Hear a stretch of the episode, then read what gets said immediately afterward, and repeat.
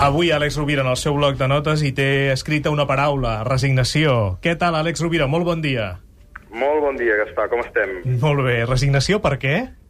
Doncs mira, perquè aquests dies llegint sobre psicologia social vaig eh, reprendre els apunts d'un experiment que va fer en el seu dia el doctor Richard Morris de la Facultat d'Edimburg, on eh, desenvolupava una teoria molt interessant que és la teoria de la resignació apresa. I bàsicament el que ve a dir és que les persones, igual que podem aprendre a ser optimistes, a tenir confiança, a ser perseverants, també podem aprendre en funció de les males experiències a abandonar-nos i a resignar-nos. És a dir, no hi ha una, només una possible predisposició genètica, sinó que també les adversitats de la vida ens poden portar a la resignació. I m'ha semblat que era un, una qüestió interessant a poder comentar avui. Uh -huh.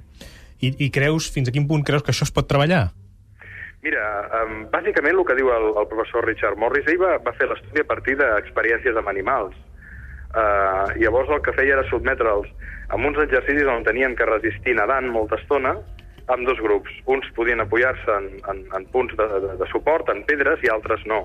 I observava que aquells que el dia anterior havien estat nedant en pedres a sota l'aigua on podien apoyar-se, després aguantaven nedant molta més estona en un mitjà hostil com era l'aigua, no? D'alguna manera als humans els passa, ens passa el mateix, i sobretot estic pensant en aquests moments de crisi, no? Si nosaltres estem en un entorn on en el passat no hem estat acompanyats de persones confiables, serà molt més difícil que davant de l'exigència de que donguem de sí, eh, quan les coses eh, són complicades, ens eh, tinguem força per tirar endavant. En definitiva, podem demanar-li a algú que confia en nosaltres i que no es resigni si nosaltres bé hem demostrat abans que som confiables, si nosaltres, utilitzant la metàfora del professor Morris, hem demostrat que érem com passeres, com punts de suport, perquè, per la qual la persona es podia apoyar en nosaltres quan les condicions anaven malament. I creus, Àlex, que tots tenim aquestes persones que són pilars eh, de la nostra vida o, o hi ha d'altres persones que, que se senten molt i molt soles i que de cap manera les trobarien al seu voltant? Per desgràcia, hi ha persones que en el seu entorn no troben aquesta, aquest punt de suport metafòric, no? traduït en la forma, en la forma d'un amic o d'algú en qui confiar. En aquest sentit, la invitació seria precisament aquesta, no?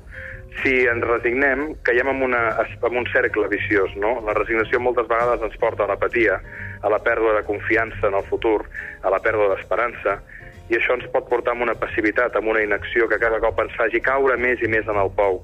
La invitació per trencar la, la, aquesta, aquesta espiral de resignació és alçar el cap, sortir, teixir xarxes socials de veritat, no només virtuals, trobar-nos amb persones. Jo crec que una de les grans medicines davant de la resignació és l'acte de servir, de donar-te a l'altre. Si tu no has trobat ningú que fos un, una pedra de suport per tu, un punt de suport, siga-ho tu pels demés i probablement els trobaràs.